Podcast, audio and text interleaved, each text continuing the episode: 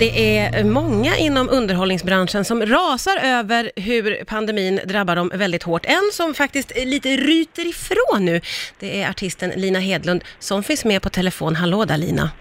Hej underbara Martina! Men gull, du, du har Ja. riktat ganska, ganska så skarp kritik skulle jag säga mot kulturministern. Vad är det du är kritisk mot?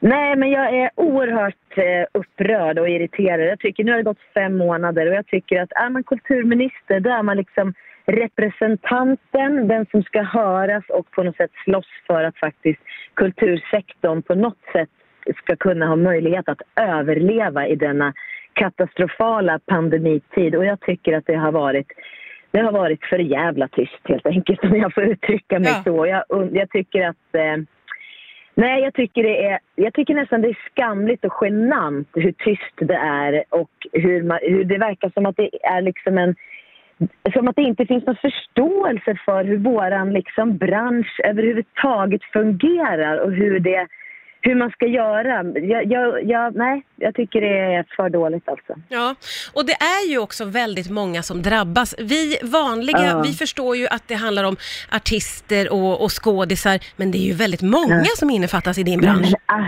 men alltså listan kan ju göras så oändligt. Om alla som jobbar bakom scenen, på scenen, utanför, runt om. Allt ifrån produktionsbolag till kostymörer, till koreografer, sminkörer och sen har vi liksom, alltså det är skådisar, det är komiker, det är artister, det är mm, alltså musikanter. Alltså det är, det är ju liksom hundratusentals människor som drabbas och så många också som sitter och har enskilda firmor som inte har, som är så otroligt, otroligt skyddslösa va.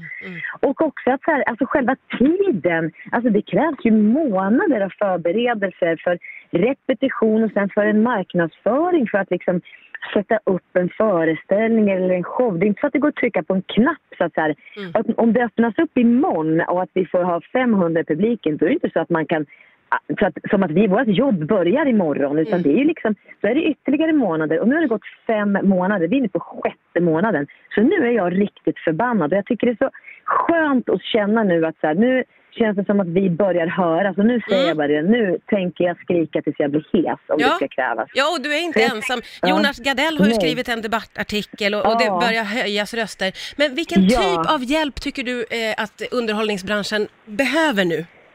Ja, men dels så tycker jag att man liksom från början inte har glömt bort hur viktigt det är med kulturen. Alltså, genom alla mina år som artist har det också blivit väldigt tydligt hur text och ton faktiskt räddar liv på människor. Mm. Så är det. Mm. Liksom vad, vad texter och toner betyder, berör, det sammanför.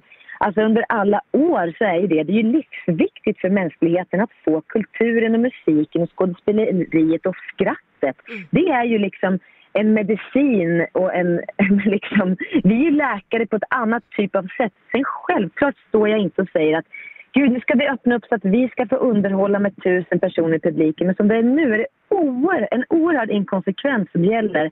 Du, nu får helt plötsligt får vi resa, vi får sitta och trängas på flygplan. Mm. Har du varit ute i Stockholm en natt så ser du liksom restauranger. Mm. Det finns inget konsekvenstänk i det här. Vad är skillnaden på att ha en konsert med en och en halv meters mellanrum mellan alla i publiken än om du sitter på en restaurang Ja, det och- det finns lite middag? orättvisor i det här.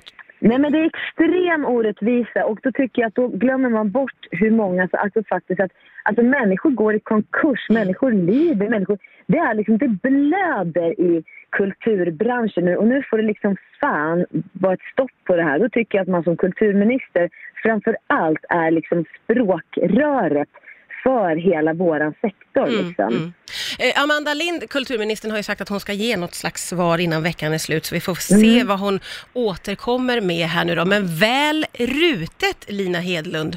Ja tack, nu ska vi ryta. Nu ska vi ryta. Tack snälla för att Ja. du var med här på Rix FM idag. Tack fina du.